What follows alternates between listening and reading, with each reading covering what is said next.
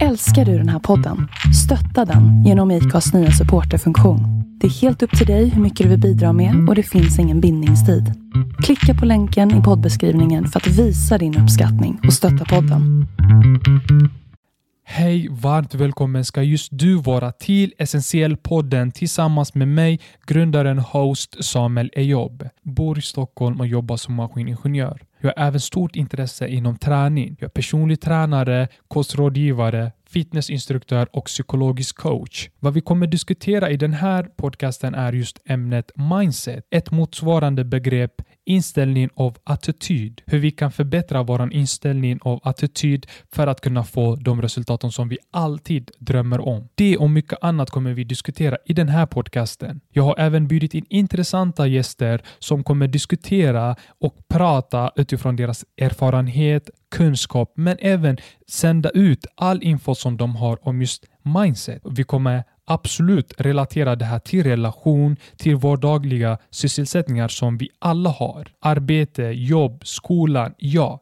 You name it, det finns hur mycket saker som man kan relatera. Men grunden till allt det här är just mindset, det vill säga inställning av attityd. Det är jätte, jätteviktigt och därför så har jag startat den här podcasten för att prata just om det här ämnet och hur man kommer i kontakt med mig. Ja, då skriver man mitt för och efternamn på de flesta sociala medier där ute. Men mer info kommer finnas med även i beskrivningen.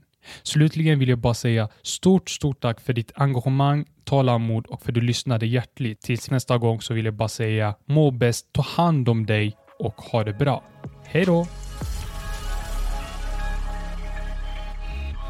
Varmt välkommen Gustav Olas. Olas, precis. Där satt sitter, den! jag sitter 99 procent. Ja, tack. Till. Essentiell-podden. Eh, grymt kul att ha dig här. Eh, Glad att få vara här. Och eh, ja, jag vet inte hur jag ska börja med dig för att eh, vanligtvis, eh, som jag är med mina andra gäster också, eh, och folk generellt, så gillar inte jag att sätta dem i något fack.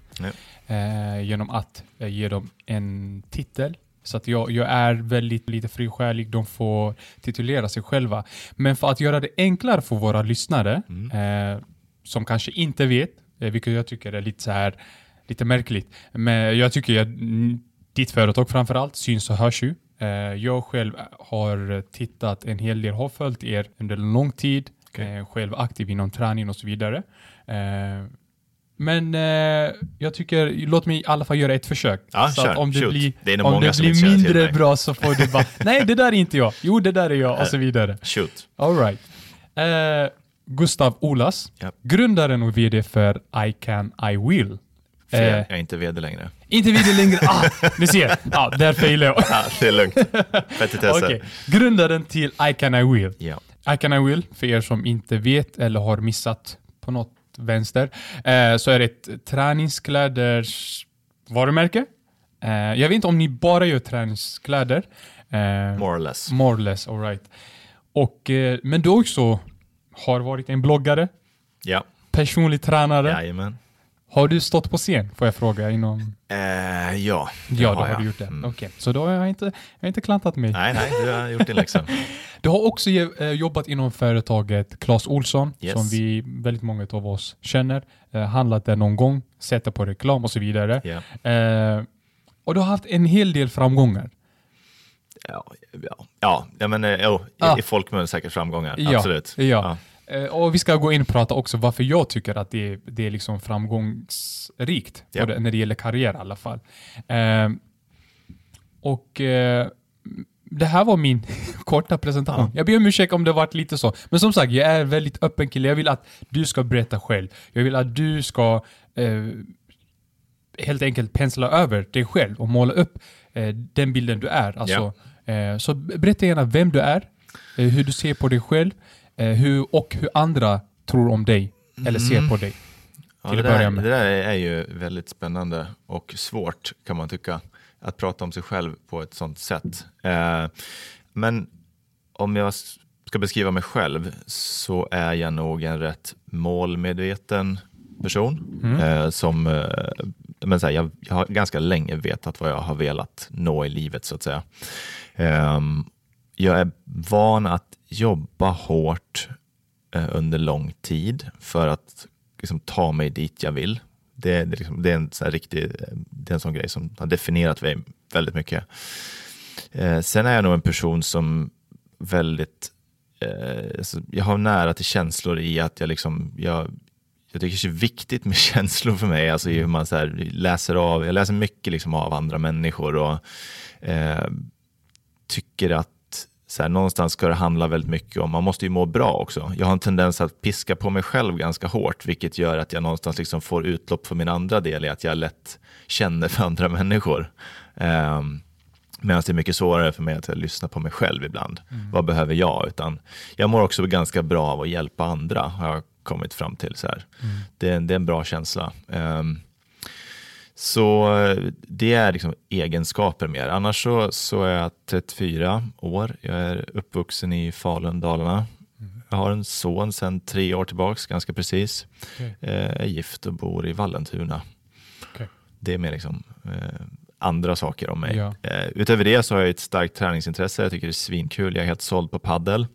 Eh, jag har tränat eh, alltifrån liksom renodlad gymträning till en epok med ganska mycket crossfit. Eh, jag har spelat bandy i, i yngre dagar. Och, eh, sen har jag liksom intresse för design, eh, marknadsföring och jag gillar bilar generellt. Ett stort intresse.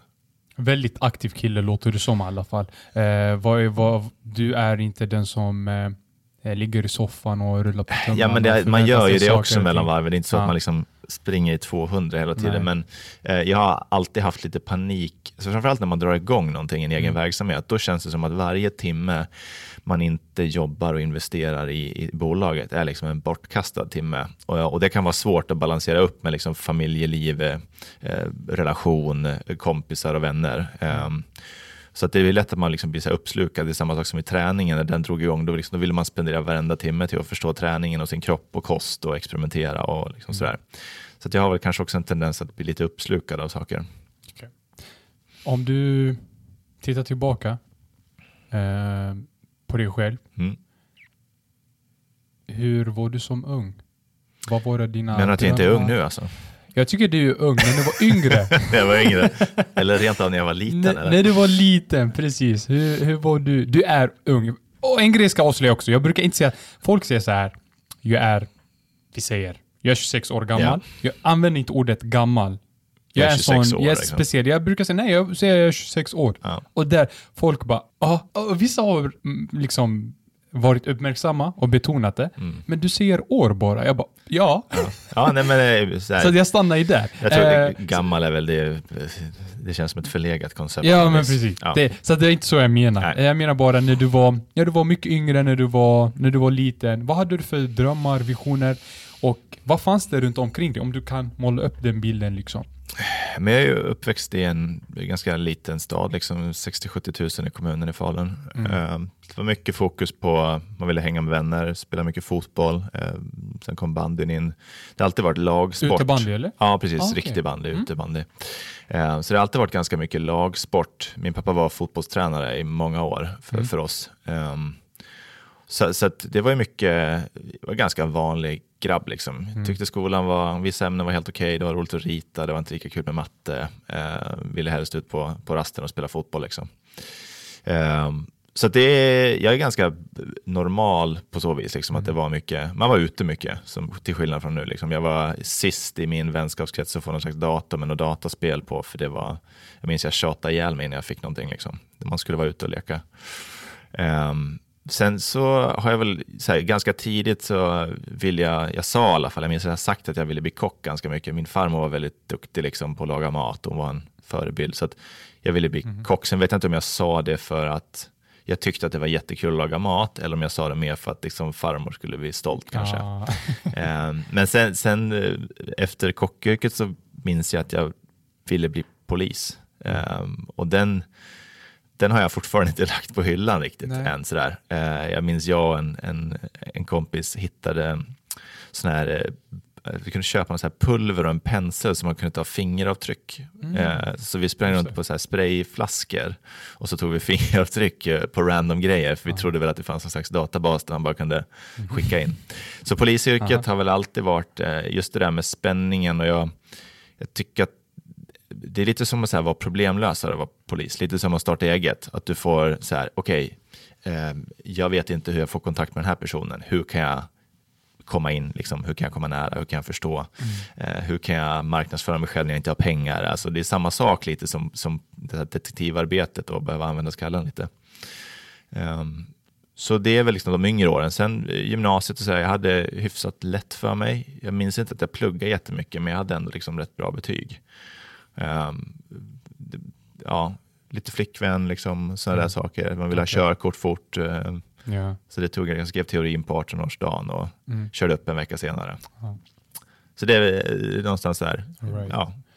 Så, så, att om du, anledningen att jag frågar också varför jag vill eh, göra en tillbaka tittarblick är för att eh, jag vill också att man ska kunna eh, se de förändringar, de utvecklingar man har gjort, mm. om, om man har gjort det, eller de eh, snedsteg man har gjort och, och förhoppningsvis har lärt sig och tagit med sig det känslomässigt. Mm. Hur var man? Eh, eh, det här med, många tenderar, om vi ska ta ungdomar till exempel, eh, jag ser att eh, den här grundläggande eh, ingredienserna inte finns där.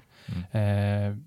Och nu kan man ju säga att amen, det är tack vare sociala medier som folk blir liksom lurade, de blir liksom manipulerade. Eh, ja, man, man, tror på någonting som egentligen inte existerar till exempel. Eh, och, och, som liten är det lätt att fastna på det här för att man är mm. öppen, man är frisjälig. Eh, är du frisjälig fortfarande? För det känns ju som, när du berättade för mig att du gillar bilar, gillar, du söker den här spänningen äh, som polisyrke eller mm. detektiv. Eh, det känns ju, du, du var ju liksom öppen och vill testa saker och, och var öppen med dina känslor. Men jag var nog ganska, jag var nog ganska trygg liksom i mig trygg. själv. Jag var inte en person som, jag stod liksom inte längst fram i, i ledet. Jag var Nej. inte den som tog plats i klassrummet utan jag, där är väl jag ganska lik fortfarande. Att jag, mm. Jag hellre liksom beskådar och försöker skapa min uppfattning och sen kan jag liksom gå in i det. Mm. Nu är jag mycket tryggare i mig själv mm. med tanke på allt jag har liksom bevisat för mig själv någonstans. Eh, men annars skulle jag ändå säga så här, man har ju sina, man är på någonstans programmerad med vissa förutfattade meningar och vissa grejer mm. som jag märker ibland så här, kickar in fast jag inte har hunnit tänka. Mm. Eh, men annars är jag nog ganska liksom öppen sådär skulle okay. jag säga. Men det låter väldigt, väldigt harmonisk kille. Om jag får säga så. Ja, men eh, generellt. Jag har inte ja. jättemycket stora issues liksom, som jag tycker stör mig. Okay. I can, I will. För bara ordet I can, I will, jag kan, jag ska. Om jag får översätta det på svenska. Det är, för mig, bara det är eh, Först och främst, var kommer namnet? Hur kom namnet till? Um, jag har tänkt på det många gånger. Nej, men jag, jag tittade på någon tv-dokumentär när jag bodde i Uppsala. Um, och då var det någon idrottspersonlighet eh, som hade satt upp en post-it-lapp med de orden på. Mest för att så på, på badrumsspegeln så ser man det liksom på morgonen och man ser det på kvällen. Så det blir en så confirmation, det är det sista man ser och det första man ser.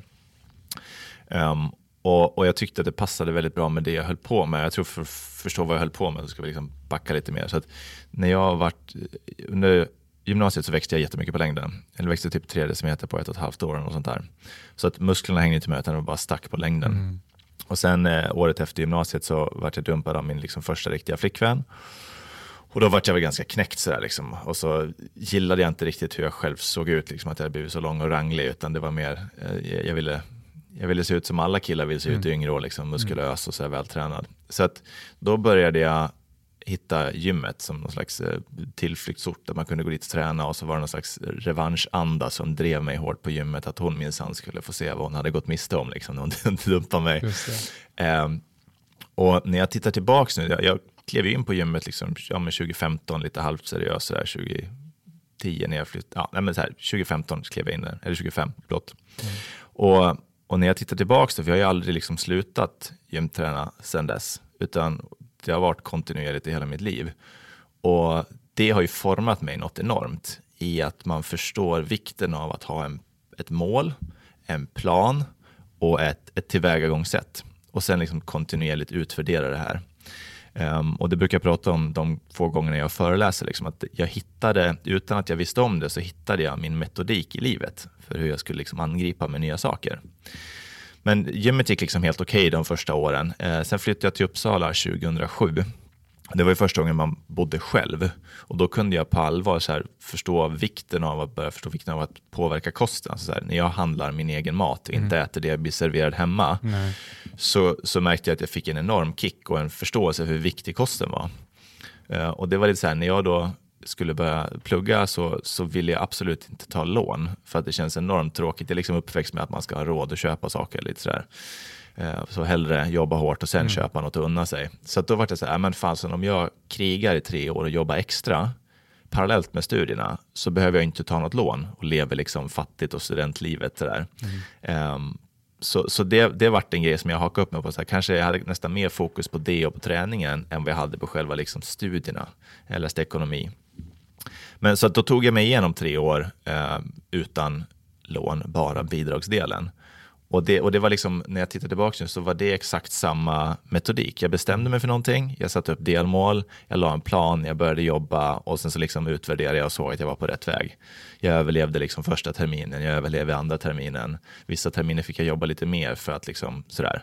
Men, och, och det, det har liksom samma sätt jag har gjort med gymträningen och exakt samma sätt som jag senare har lagt på, på bolaget, hur jag har byggt I Can I Will. Så när, när det här namnet liksom kom upp och jag såg I Can I Will och sen skulle jag starta eget bolag typ fyra år senare så kändes det verkligen så här, jag gick in och kollade, jag minns jag kollade på så här varumärkes eh, och det var ingen som hade tagit det. Och jag var så förvånad för jag tyckte att det var liksom, det var helt fantastiskt. Men, men, men du tänkte liksom I can I will som ett ord eller var Ja. det bara så jag kan Nej, alltså, jag, jag ville ju gärna ha det särskrivet för att Ah, jag tyckte att okej, det var, det var så jag hade skrivit det på post-it-lappen. Mm. Eh, men då, eh, där såg jag att det var ett, eh, som Under Armour hade ju I will, eh, Ah. som jag senare fick lite utmaningar med. Eh, men då, så att jag började ju köra I can, I will, Mm. eh, särskrivet lite på bloggen när jag, när jag tidigt nämnde det. Men sen ganska tidigt, liksom, när jag började med kläderna 2015, så vart det ett och samma Okej. varumärke för att jag skulle kunna skydda det och sådär. Right. Så att det var liksom mitt, mitt bagage Ja. kontra den här post-it-lappen och de tillsammans vart en kombination att jag kände att det är precis så här jag har gjort. Jag har bestämt mig för någonting och sen har jag jobbat stenhårt för att ta mig igenom det. Och det har funkat två gånger, så varför skulle det liksom inte kunna funka ytterligare en gång med, med bolaget? Vad häftigt. För, det, för mig när jag bara eh, såg det för första gången, Mm. Jag kan berätta, det var en, jag såg det på hashtag på Instagram. Mm, Det var någon som hashtag I can I will. mm, Och eh, det här var kanske 2000, eh, men typ 2013 13 kanske? tror jag vi började Ja. med Instagram. Ja, Bygga 13 konton, någonstans där. Ja. För då gick jag gymnasiet. Mm. och då såg jag, jag tänkte, jag spelade fotboll Mm. då. Eh, och då spelade jag ändå hyfsat. Jag tror jag spelade division 3. Mm. Eh, 17 år, 17-18 kanske jag var.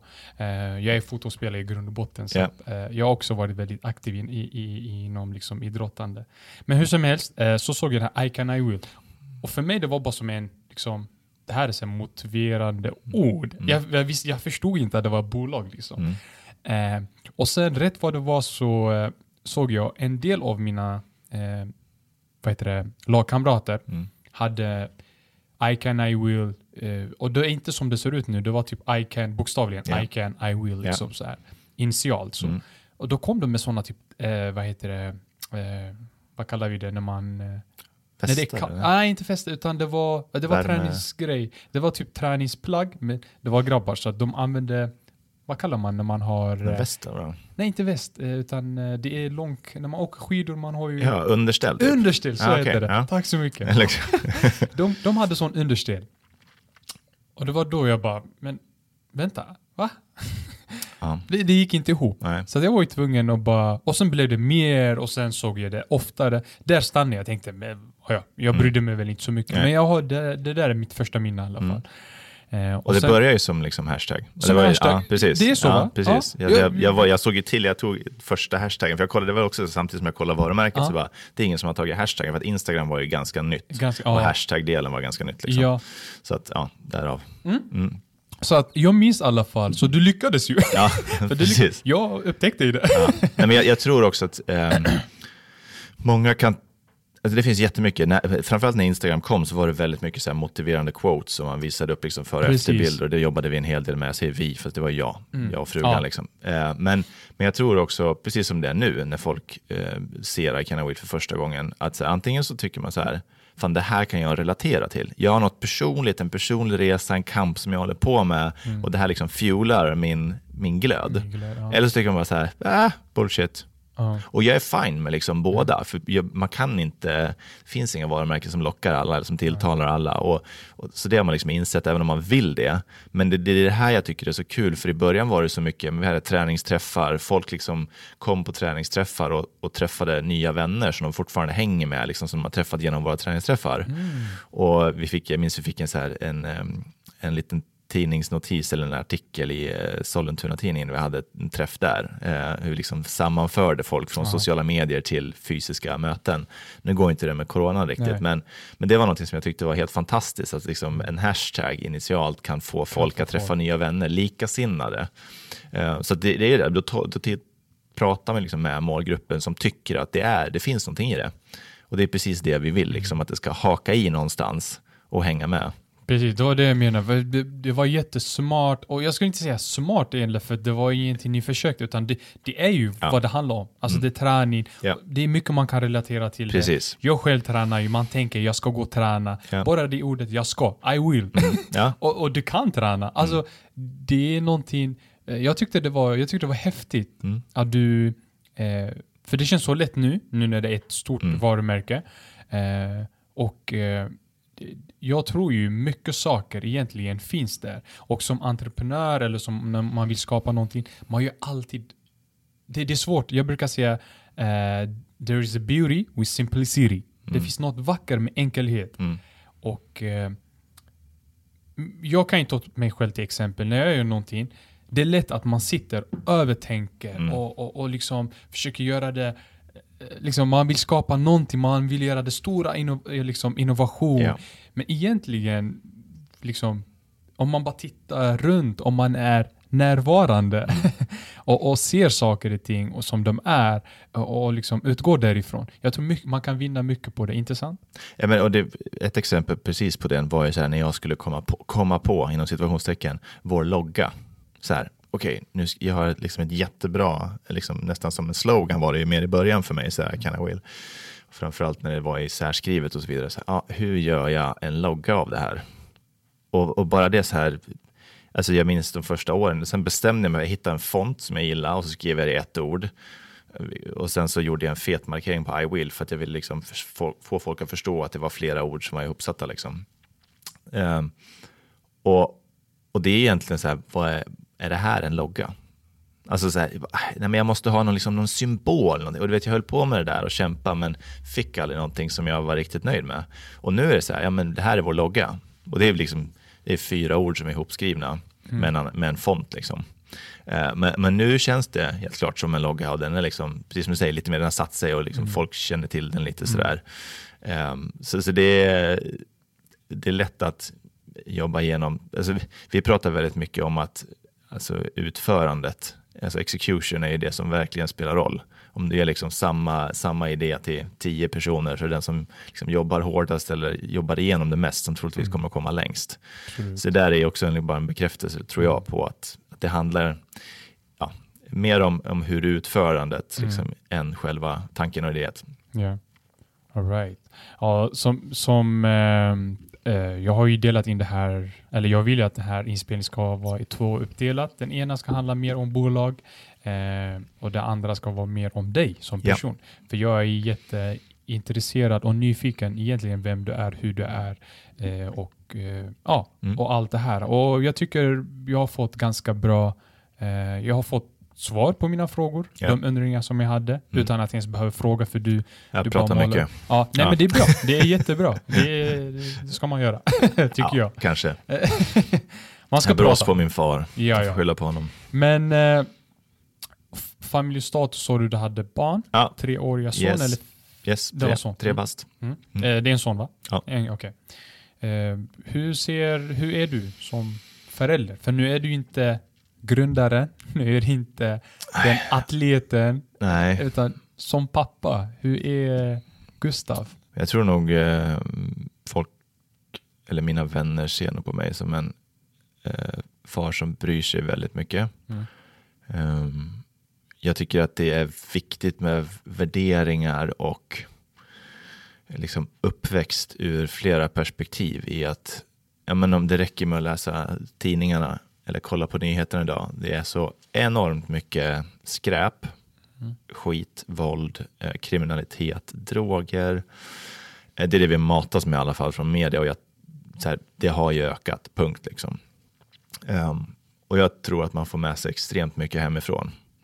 Um, jag hade en väldigt bra uppväxt. Liksom min mamma och pappa var helt fantastiska. De kompletterade varandra jättebra och gav oss både det emotionella och det praktiska och liksom drivet. Min pappa var ju, liksom hade eget också och var väldigt, liksom, han tog för sig mycket och tog initiativ till saker, fick saker gjort. Liksom.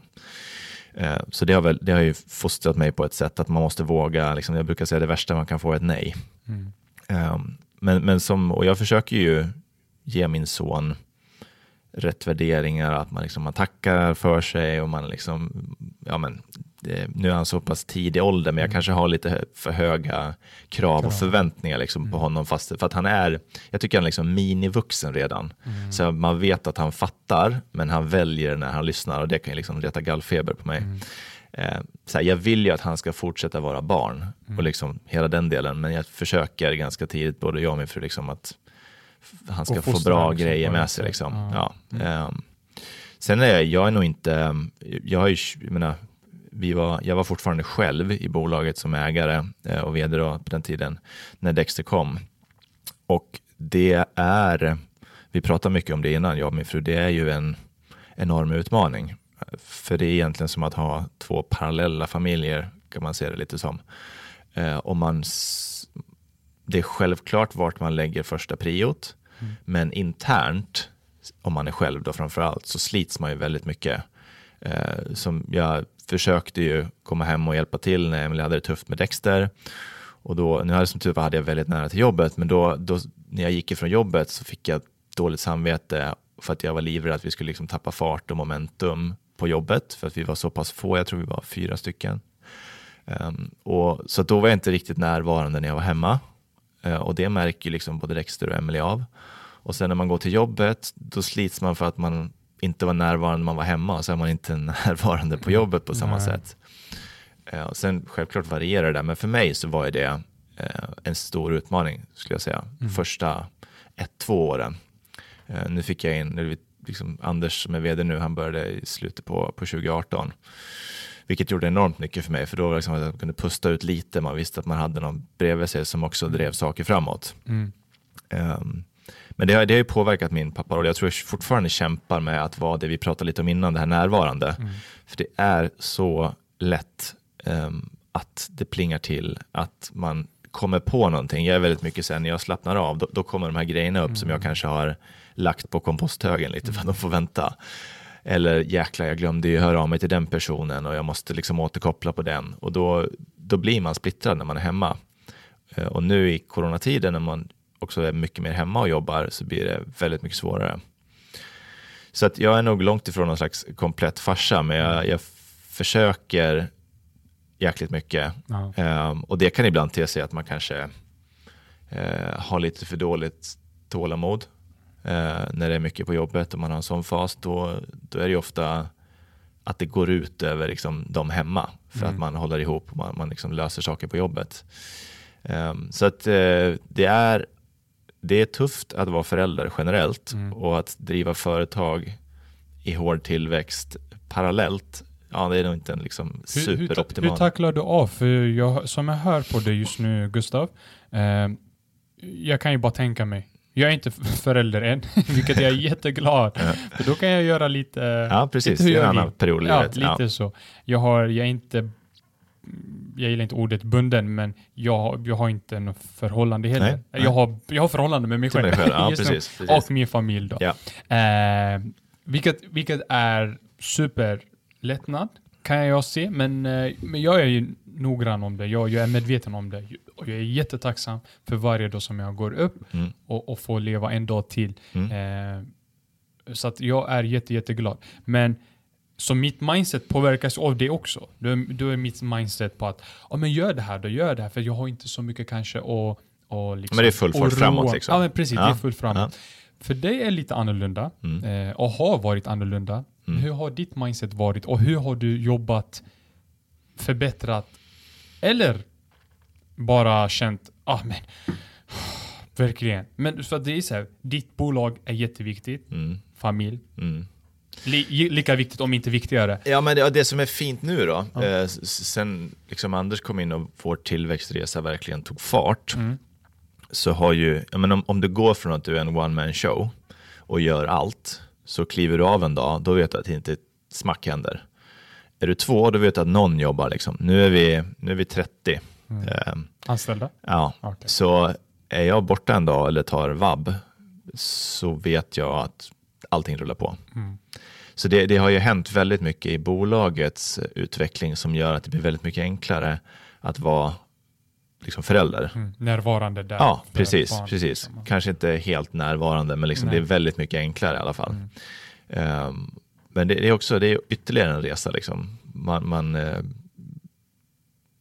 man försöker ju alltid göra sitt bästa oavsett. Mm. Och ibland går det bra, ibland går det mindre bra. Men nu skulle jag säga att det är bra mycket enklare. Eh, och jag, jag kan släppa mer saker. Skönt. Så att jag har liksom, jag har lyckats bygga bort mig själv om du förstår vad jag menar. Är att Mm. Jag har fortfarande en väldigt viktig roll i bolaget och jag, jag är väldigt involverad. Men eh, de kör på utan mig om det är så att jag inte är närvarande.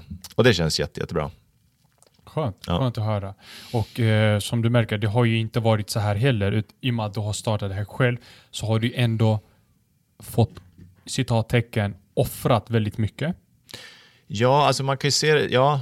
Eh, Eller Jo, men, investerat eh, jag, jag, jag har- investerat i det jag brinner för och Ja. jag har aktivt valt vad jag vill göra med min tid. Och det tror jag kanske att, alltså jag tror alla kan bli bättre på det. Och jag kämpar fortfarande med det nu när jag så kommer hem. Vi har jobbat en dag, vi har tagit handexter, somnat och så bara så här kväll. Och jag kan bli som mest, ehm, liksom min arbets, ehm, vad ska man säga, glöd eller inspiration kan vara som har tidigare varit väldigt, väldigt stark ju senare på kvällen det blir. Att jag säger, men det är nu jag blir kreativ, det är nu jag kan jobba, det är nu ingen hör av sig till mig, nu kan jag liksom så.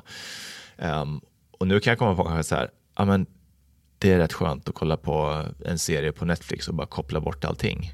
Och då kan jag säga, men vad fan, du får inte liksom, lägg inte av nu, liksom. jobba på, bit ihop, kör. Som jag här alltid liksom. som Ja, ja, absolut, dig? absolut. Ja, Ehm, och det, det är också en utmaning när det har varit den största drivkraften, att jag liksom har drivit, pushat mig själv. Att så här, hur ska, när ska jag lära mig? Och, för man behöver ju vilan och återhämtningen. Självklart. Så nu försöker jag träna på att så här, när jag väljer att på kvällen säga, ah, men vi kollar på en serie när vi går och lägger oss. Då är det liksom, bra Gustav, det är precis det du behöver just nu. För du har jobbat ganska många år, väldigt mycket och framförallt har skallen aldrig varit avstängd. Och för mig då att kolla på en serie gör ju att då är man liksom i serien. Eh, eller när man tränar så, så tänker man inte på annat för att det är sånt fokus på det du gör. Så det, det där är en balansgång att hitta avkopplingen när man har kört och kör jäkligt hårt. Eh, Jag tror det är träningen som över de åtta år som jag har varit egenföretagare gjort att inte jag gått in i väggen. För att det blir en, en, eh, En avkoppling. Liksom, Ja. du, du, du, du tar ju... Eh, du kommer ju ur spåret om man säger så, när Mm. Ja. du går och tränar. Ja, eh, vilket är bra egentligen, Ja. men eh, i det här fallet, om man gillar sjunga kanske, man kanske kan Vad som sjunga. helst. Eh, Konstnär, rita, skriva, skriva poesi, alltså vad som helst. Bryta liksom. liksom Bryta. jobbskallen. Ju- Ja, absolut. Om jag får fråga, vad är du mest stolt över? Antingen familj eller bolaget? Nej, så ska vi inte vara. vad är du mest stolt över generellt, Gustav? Eh, Vad är du mest nöjd över om man säger så? oh, den här. Jag fick inte den här frågan innan, Nej, så den här har jag inte förberett Här mig. kommer Nej. bra frågor vet du. Men jag är nog, om man får vara självisk, så, så någonstans har det ändå blivit att jag har eh, bekräftat för mig själv att jag kan, så här, när jag växte upp, ja, men, du vet när man är så här 10, 12, 13, 14, man vill ju alltid vara, det är alltid vem som är bäst i klassen och vem som är smartast på matten eller bäst i fotbollslag. Jag har aldrig varit bäst på någonting. Jag har liksom aldrig, vissa hittar ju sin grej tidigt. Ja, men här- han kommer bli fotbollsproffs, Zlatan liksom. Visste ju tidigt vad han skulle göra, fanns inget annat. Jag har alltid letat lite. Ehm, så när mitt bolag börjar gå bra och vi har nått vissa milstolpar sådär, då har jag ändå känt mig, för jag är sällan jag känner mig stolt, så här, men då har jag ändå känt så här, men fan jag är ganska bra på det här. Eh, och när jag pratar med andra, ibland så hör folk som är i så här startup-fasen av sig till mig och så här, ja, men du har gått igenom, skulle kunna tänka dig att sitta med oss en timme? Så här, Absolut, för jag vill ge tillbaka, för jag har gjort samma sak hundra gånger. Och så får jag deras case och så, så börjar vi bolla lite och så kan jag liksom ta fram förslag på saker de konkret kan göra. Så här, men hur skulle det vara om ni gjorde så istället och ni har så många, vi, vi, ja, så här. Och så får man återkoppling, typ, så brukar jag alltid säga att men hör av dig om liksom, tre till sex månader bara för att se. Och så, så får man så här, fan det har gått så jäkla bra, du fattar inte. Jag har ett exempel in mind nu liksom. Och då, då, blir man så här, ja, men jag är helt okej okay på det här. Liksom. Du är duktig. det, och så här, och det, då säger jag inte att jag är bra eller bäst, utan jag är ödmjuk som jag säger, nej, men jag, jag, är rätt bra på det här. Mm. Så att, och det har fått mig att inse att så här, jag, mina, det handlar inte om att vara bäst på någonting för mig, mm. utan det handlar om hur jag liksom tar in information, ganska snabbt gör analysen och, och förstår vad som behövs göras. Mm. Uh, och jag hade, på Clas Olsson så hade vi en enorm förebild med var Claes Balkov som var, som var vd där då. Nu är han på, på Axfood, koncern, vd.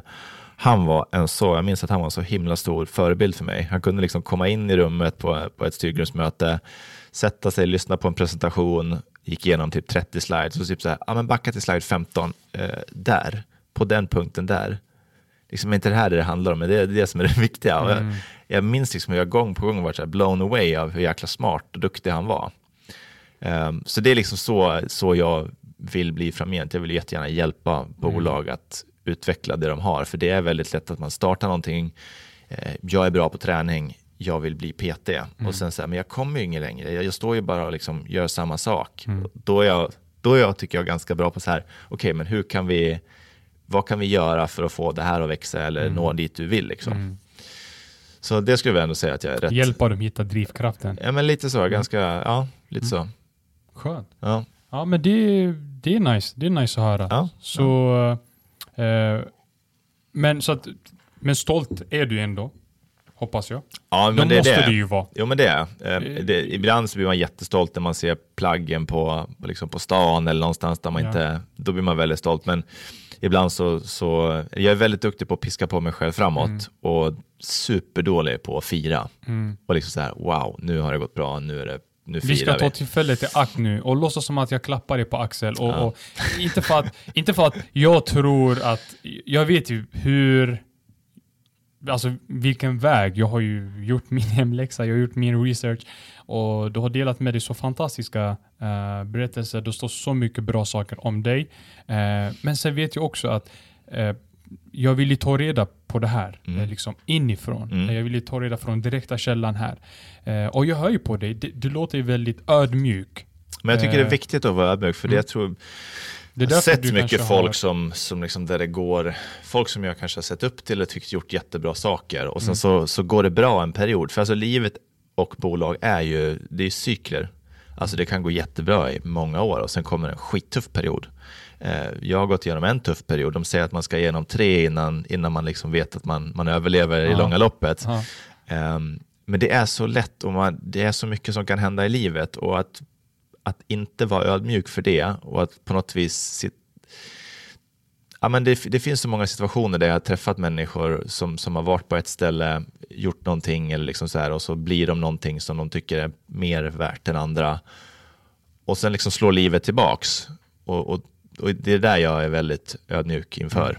Mm. Så därför är jag, men, jag är lite livrädd varje dag jag går och lägger mig för att jag tror att bolaget inte kommer att gå bra imorgon. Liksom. All right. Um, så, mm. ja. All right. Ja, men det, det, det är nice. Vad, vad, är, uh, vad betyder mindset för dig? Uh, men, Hur ser du på det? Men det är väldigt mycket drivkraft för mig. Mm. Um, och jag tror man, man bygger upp sitt mindset. Man lär sig vad som funkar för en själv i början tittar man, jag kollar fortfarande på så inspirational videos på YouTube, bara för att det ger mig glöd och energi de dagarna jag tycker att det är segstartat. Mm. Och då, just ja, det är, jag kan alltid koppla det till vad jag vill. Säg att du har ett mål att köpa, en, en, eh, köpa ett hus till exempel. Mm. Det är liksom för att jag vill, eller jag vill köpa ett hus till min mamma eller vad som helst. Då kan man, när du sätter ihop den med, liksom, för att se någonting, höra och känna, alltså, då, får jag, då känner jag det. Mm. Eh, så, så när jag kan ta de sinnena och applicera det på min målbild, då blir ju det, ja, men då känner man verkligen den här drivkraften innan säga så här, jag skiter i vad som kommer, jag kommer att köra överallt, jag ska ta mm. mig dit. Och den känslan tror jag väldigt få människor har känt. För när den infinner sig, så ja, det, är, det är så häftigt. Och det för mig är liksom mindset, mindset. i dess renaste och mm. bästa form. Mm. Precis, och eh, ja, så är det Mindset är ju olika för alla. Det är just ditt mindset. Ja, precis. Mitt mindset är någon annan. Ja. Någon annans mindset är så. Men det är viktigt. Det är det jag, eh, jag vill prata och jag vill se också hur, hur viktigt det är för det och det låter mm. som att det är väldigt Ja men det har ju varit skitviktigt. Alltså mm. när man inte har någon inkomst, som mm. jag hade, knappt hade någon inkomst första två åren, man lever på sparpengar, Eh, man kan inte åka på den semester man vill, så man får säga nej till sin sambo för att säga jag sa upp mig, jag, sa, jag gav bort, jag valde att avsäga mig min lön för att jag ska jaga en dröm som jag har. Eh, när man inte blir betrodd av banken på att stå på ett banklån så vi var tvungna att liksom, vi kunde inte bo kvar i Solna där vi trivdes jättebra utan för att vi hade inte råd med det på, på min frus inkomst så, och den lägenheten vi hade utan då var det så här och det, det är ju jävligt motigt och när man menar att offra då är det så här, ja ah, men hej vill du polaren ringer och frågar om man ska med ut. Nej, jag vill inte det för att jag vill, nej, jag, jag vill liksom, jag behöver jobba. Det är inte enkla eh, beslut, tro mig. Eh, nej, men alltså, jag tror verkligen man måste ha bestämt sig vad det är som är viktigt och ja. vad man vill. Mm. Apropå drivkraft och mindset. Liksom. För då är det inte att man offrar, utan då väljer man att göra det för att det är det man verkligen vill göra. Mm. Men, men, andra saker får man ju offra i, att man får bo på ett visst sätt eller man får uh, skippa vissa saker Absolut. i hopp och tron mm. och övertygelsen om att om jag gör det här nu, det har alltid varit min, liksom så här, att om jag gör det här nu och lägger den här tiden nu, då kommer det möjlighet för annat längre fram. Mm.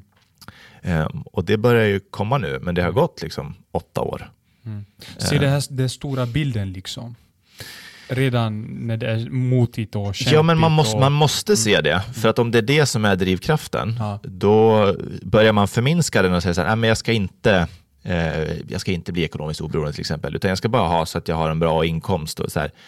Men vänta nu, vad var det som drev dig från början? Mm. Om, om det är pengarna som driver dig, våga sätta upp det som ett mål och kör mm. mot det. Mm. Eh, för då är det det som verkligen kickar igång dig. Men att säga, att du får en bra veckopeng helt plötsligt så tappar du 50% av farten. Ja, men om jag bara ska jobba för en veckopeng, då är det inte så motiverande. Nej. Eh, jag vill ha det här. Så man måste också våga säga vad det är och uttala det för sig själv, vad det är man vill ha. Men ofta är det ganska skämmigt att säga så här, jag vill ha en sån bil och jag vill ha så mycket pengar. Så vi folk bara säga, ja men drivs du av pengar? Nej men kanske inte pengarna, men det jag kan göra med och det liv jag kan leva när jag har jobbat jäkligt hårt för det. Ja, men det är en enabler för mig, liksom, i att så här, om man vill leva eller om man vill resa mycket eller om man mm. inte vill vara eh, tied to a chair varje dag, så, så då måste man ju offra någonstans för att komma åt det andra så att säga. Absolut. Och du säger ju så självklara grejer. För mig kan det kännas väldigt självklart, men jag vet att det finns folk där ute som eh, kämpar mm. eh, och, och, fastnat i det här mm i hjulet, du vet, men gör jag rätt? Det är mycket osäkerhet, mm. eh, det är mycket typ så här, fråga sig själv, äh, gör jag rätt? För ja. att det går inte bra kanske första, första året, sex månader, två åren, eller och så vidare.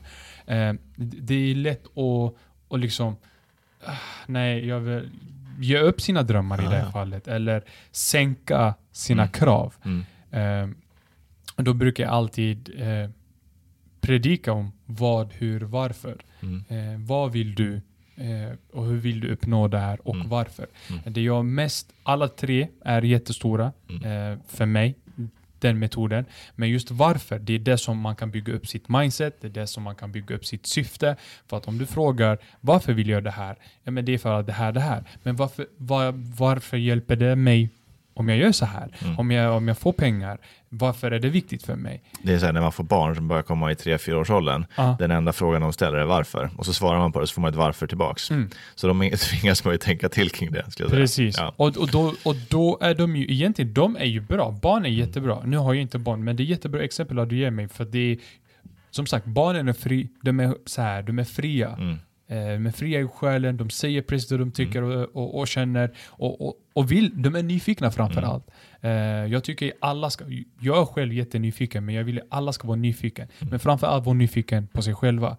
Så att jag tror, det här frågan som jag kommer ställa just nu är, varför blev det I can I will? Eh, inte just namnet, men varför just det bolaget? Mm. Varför just den marknaden? För jag vet att du har jobbat på Clas Olsson. Ja, precis. precis. Vad, vad var det som gjorde att Ja, men, eh, lane. Det var ju när jag var klar i Uppsala med studierna så sökte jag två traineeprogram för jag kände så här, treårskandidat, vad ska jag kunna söka för jobb? Jag vet ju inte ens vad jag är liksom kvalificerad till. Jag gick igång på tanken av traineeprogram för att upplägget som Clas Ohlson hade då, eh, det var att man fick vara med, man fick prova på mycket. Liksom. Man fick någonstans finna sin roll mer, att man fick liksom visa vad man gick för inom ett område mm. och därifrån så skapades, liksom, skap, precis som du tar in en praktikant så mm. ser du vad de går för och säger, du passar ju bäst på liksom, edit på video för du är jätteduktig på det. Det är lite samma sak, i alla fall då var det med traineeprogram. Så det, det var det jag gick igång på. Jag tycker att här, de hade väldigt bra värderingar med liksom från Dalarna Insjön och det, det klickar lite med, med min personlighet och sådär. Och det andra traineeprogrammet tyckte jag, det var supermycket säljfokus och det var ingenting som jag brann riktigt för. Så då, när jag körde det där så det var en väldigt, väldigt bra crash course i hur man driver bolag och vad som är viktigt och eh, hur man jobbar med liksom, kunder, anställda. Jag fick ju vara med på allt. Mm. Och det tyckte jag var jättespännande. Uh, vi fick väldigt mycket tid med liksom vd, vice vd på styrgruppsmöten. Vi fick vara med på stora projekt som kanske pågår, vissa av dem pågår fortfarande idag, som vi var med och drev liksom förstudier med. Så man vart inkastad i hetluften direkt och det tilltalade mig väldigt mycket. Uh, så jag lärde mig ju supermycket där.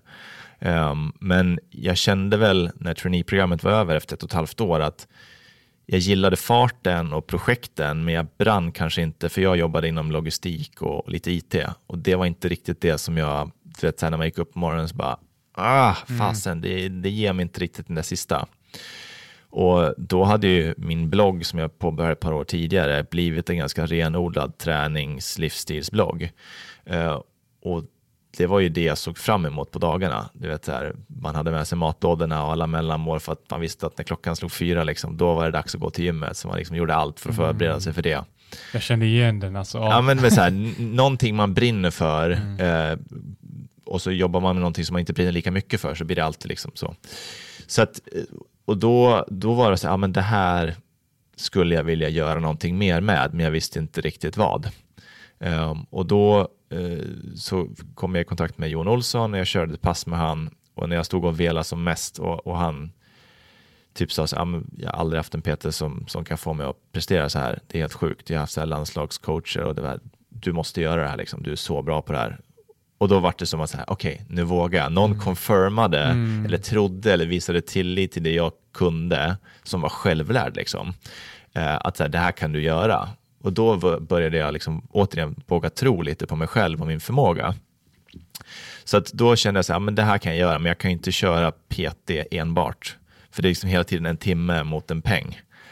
Um, vad kan jag mer göra? Men jag har ganska mycket kunskap. Okay, men hur kan, jag, hur kan jag sälja min kunskap på ett sätt som är applicable på andra människor? Och då satte jag mig och så gjorde jag en ganska stor, ett ganska stort arbete i att eh, bygga en utbildning. För jag kände att när man säljer ett träningsschema för 500 kronor så får du det och sen så går du hem och sen är det regnigt någon dag när du ska gå till gymmet och så skiter du i det och så rinner du ut i sanden. Men om jag säljer en utbildning för dig där du kan få den kunskapen jag har byggt på mig under många år eh, på ett sätt som gör att du kan absorbera det och kanske applicera det på ditt liv ganska enkelt och framförallt på dina barn och på, liksom, du, du kan, vi får ju ingen kostutbildning i skolan whatsoever mer än hur man gör citronsaft och liksom bullar. Mm. Så jag paketerade det där och, och, jag tror jag sålde det för 10 000 eller någonting. Men, och så fick man min, liksom, jag följde med i tre månader och följde upp varje vecka och sådär. Men då, de kunderna fick ju jättefina resultat och efter två månader så var de helt självgående, vilket var mitt mål. Jag ville inte att de skulle komma tillbaka, utan mm. liksom, här får du kost och träning under tre månader av mig. När du har kört de här tre månaderna, då kan du bygga om ditt träningsschema själv. Du kan bygga om din kost själv. Du kan lära dina barn det här och din man eller vad det nu är. Och det var det jag ville uppnå.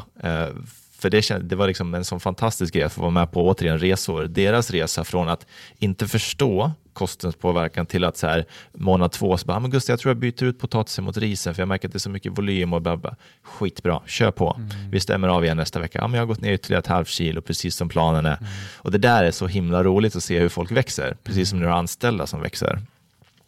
Eh, återigen, det är lite det här hjälpa andra som, som man mår bra av. Mm. Um, så då var det liksom PT-delen och där kände jag väl snarare så här att men jag vill inte stå åtta timmar på, per dag, utan jag vill försöka använda min kunskap som en dörröppnare för att träffa människor som inte är så bra på träning men är väldigt bra på annat. Och det var ju det jag gjorde, så att jag jagade ju fatt på ganska många. Liksom, Jon var den första och sen liksom var det Maria Montazami, jag körde lite med Peter Gide ett tag och Mikael Bindefeld och Fredrik Eklund. Så, så att jag använde liksom, jag erbjöd dem mer så här, jag kan ge min tid och min kunskap till dig i utbyte att få hänga lite med dig och mm. liksom, så. Sen vart några av de här vart liksom vänskapsrelationer, eh, men annars så var det liksom att jag jobbade gratis för att få spendera tid med folk som hade kommit långt så att jag kunde snappa upp saker och ställa små frågor. Liksom. Och sen parallellt med det så var det, ja, men vad ska jag då i det långa loppet eh, liksom bygga? Och då, då var det så att jag hade ju jag hade kosttillskottsspons genom bloggen, jag fick åka på några resor, jag körde pressbilar genom för de alla stora liksom, bolagen eh, för att jag skrev om det på bloggen. Mm. Det var egentligen träningskläder som vi, både jag och min fru, konsumerade väldigt mycket av i och med att jag var på gymmet hela dagen. Parallellt med att jag verkligen inte såg något märke på, på marknaden som jag tyckte var coolt, snyggt och liksom jag ville betala för. Mm. Um, och då började jag säga, fasen jag kanske ska göra det här själv. För då blir det ändå en passiv inkomst i att om du har en e-handel, den är inte passiv på så vis, men om jag står på gymmet och tränar någon så kanske har ramlat in en, två år där när jag har varit borta. Sen kan jag jobba med dem när jag kommer ah. hem. Så att jag ville bygga någonting, jag hade en förebild där som hade, han hade byggt upp ett bolag där han jobbade stenhårt tre månader, sen var han och familjen liksom borta tre månader och semestrade och reste. Och sen körde han hårt igen i tre månader och liksom, han hade byggt upp ett bolag som funkade utan honom. Och det var det jag ville åstadkomma liksom med, okay. med kläderna. Mm. Parallellt med att jag alltid tyckt att design och, visuellt är liksom kul. Mm. Um. Intressant, jätte, jätte intressant och jag, jag blir ju jag blir inspirerad höra hur du målar upp det, hur du säger det, hur du berättar. Ja. Eh, men samtidigt också hur du knyter ihop det. Eh, och Jag får ju en väldigt, väldigt större inblick eller vem du är just nu och varför du gör som du gör, varför du har startat. Ja. Eh, vilket jag har haft jättesvårt. jag gjorde lite research. För det handlar om pengar, ja. omsättningar, det handlar om precis. bolag. det, är ofta det, som, det är ofta det som folk vill skriva om. Ja. För det är det som folk tycker är spännande. Och, eh, man pratar PR och bolag ja. så är det ofta sånt man förmedlar. Mm. Eh, men det är också därför jag tycker att det är kul att vara med på en sån här podcast där mm. man faktiskt får möjlighet att prata om lite annat. För jag tror att de som, ja, men den lilla skaran som har följt mig under liksom från start, de har lite koll på det här. Men jag tror kanske andra som bara har läst siffror eller så, varumärkestvister, de, eh, det kanske kan bli en ny dimension om mm. de orkar lyssna på allt eh, snack. Jättehärligt. ja, men jag, jag är tacksam och jag är sjukt glad. Och det låter ju som en fantastisk resa. Trots att du har eh, haft så många erfarenheter, har gått igenom massa saker, har som du själv har sagt, har aktivt valt den livsstil eller den mm. vägen som du har gjort. Eh, har ju berikat dig, det kan mm. jag tänka mig. Och jag märker på hur du berättar, hur du ser på saker, vilka perspektiv du har, eh, hur ditt mindset är framför allt, eh, hur självutveckling, Mm. Eh, som du nämnde, det här med att eh, du vill hjälpa andra, eh, omtänksam och, och, du vill utveckla dig själv. Liksom, och, mm. och att hänga med, med liksom, stora profiler, för att göra någonting för dem, för att hänga för att kanske snappa upp någonting eller kanske, eh, ja. Men jag tror man var, jag tror man var bra av liksom, Öppensinnad, det är det jag försöker säga. Okay, ja. Jo, men jag, jag har alltid försökt mm. och, och, när, man inte, när man drar igång någonting och inte har eh, pengar till exempel som mm. inte jag hade, liksom, att, då, då, får man ju tänka till och det, det tycker jag, där har jag fått väldigt mycket från min far, liksom, att han vågar ta kontakt och fråga saker. Och det försöker jag verkligen propsa på också att folk hör av sig. Därför tycker jag att det är så viktigt när folk hör av sig till mig att jag svarar och att jag ger dem tid. För att jag har ju många gånger bett om hjälp. Jag menar, jag har eh, folk som har kommit jättelångt som av olika anledningar har valt att svara på, på mitt mejl eller min fråga och så här, absolut, kom och ta en kaffe så surrar vi lite. Så jag har ju fått, jag har inte gjort det här själv. Mm. Dels har det varit alla anställda som har hjälpt till hela mm. vägen och där blir det bara, de får bara större och större impact ju större vi blir. Men också liksom personer som har ställt upp under vägens gång. Eh, tidigt, medium tidigt liksom, och verkligen så här givit och tid. Och det är jag enormt tacksam för. Och det är precis samma sak jag vill liksom sprida vidare, för jag tror ju inte det finns någon så här begränsad mängd eh, framgång eller lycka så, utan det är mer liksom så här, ju mer desto bättre. Mm. Så om jag kan hjälpa någon som ska sälja blyertspennor att göra sin business bättre eller vad det nu vara så är det bara superroligt. För jag tror också med tanke på vart samhället är på väg, alltså vi behöver folk som vågar satsa och kämpa för någonting. För det är så lätt, precis som du sa initialt, att bara så här, jag äh, skiter i det, jag lägger mig och kollar på tv, jag skiter i det, jag kollar på Instagram eller vad det nu må vara. Eh, det, jag menar, titta på vad, vart Sverige är och vart, vilka personligheter vi pratar om idag. Det är ju folk som har jobbat livet ur sig i många år för att komma dit de är. Och så tycker jag ja, den, den liksom entreprenöriella andan och att våga jobba för saker. Jag kan inte nog understryka den. Jag tror mm. viktigt den blir framöver. Mm. Härligt, härligt. Om vi pratar lite om I can I will, företaget. Ja, för den är ju, jag försöker måste komma undan därifrån, siffrorna. men det går Ja, exakt. Jag måste få in lite siffror ja, precis, som alla precis. andra. Nej, men som sagt, jag tycker det är kul. För anledningen är att eh, jag gjorde, när jag kollar på, om vi ska snacka om omsättningar, ja. för det står där är från 2015. Mm. Det var då jag började med kläderna. Mm. Mm. Precis. Det var då la, jag, då la jag all PTM. Så 2012 mm. i oktober sa jag upp mig. Um, och så då 12-13 och så år nummer 14, det var då jag liksom försökte lära mig göra ja. kläder. Det tog ju typ två år. Right. Så slutet på 2014, typ så juli, augusti, andra halvan, då, då hade jag de första tightsen som mm. jag liksom ändå kände så här, det, här, det var startskottet för, mm. för de produkterna som vi har idag kan man säga. Okay. Um, ehm, allt annat, t-shirtar jag tryckte innan, det var liksom gjort i Sverige så det gick inte att tjäna pengar på. Och så där. Men 2015 var det första året och liksom så här, okej, okay, mm. nu lägger jag PT åt sidan, nu jobbar jag bara med kläderna. Mm. Nu har jag någonting som jag kan jobba med. Men du hade ju jobbat in i en startkapital då? Alltså, nej, egentligen inte. Utan jag... Berätta lite, för det där är jätteviktigt. Ja, för de men... som kanske sitter och tänker att jag vill starta det här. Ja. Jag kanske inte har men det funkar ju ofta som så att eh, om du går till en producent, oavsett om du ska göra tandborstar, skor eller kläder, så vill producenten veta ja, men hur mycket ska du göra. Liksom, för det sätter ofta priset och sådär. Mm. Um, och jag lyckades hitta en producent som inte hade någon minsta orderkvantitet. Man brukar prata om MOQ, eh, minimum order quantity. Alltså, mm. Stora producenter har ju att du behöver köpa 10 000 pieces av oss, annars kommer inte vi att lägga tid på det för då är du för liten. Eh, och idag med liksom AliExpress och allt där så finns det ju, du kan köpa en med liksom din logga på om du vill.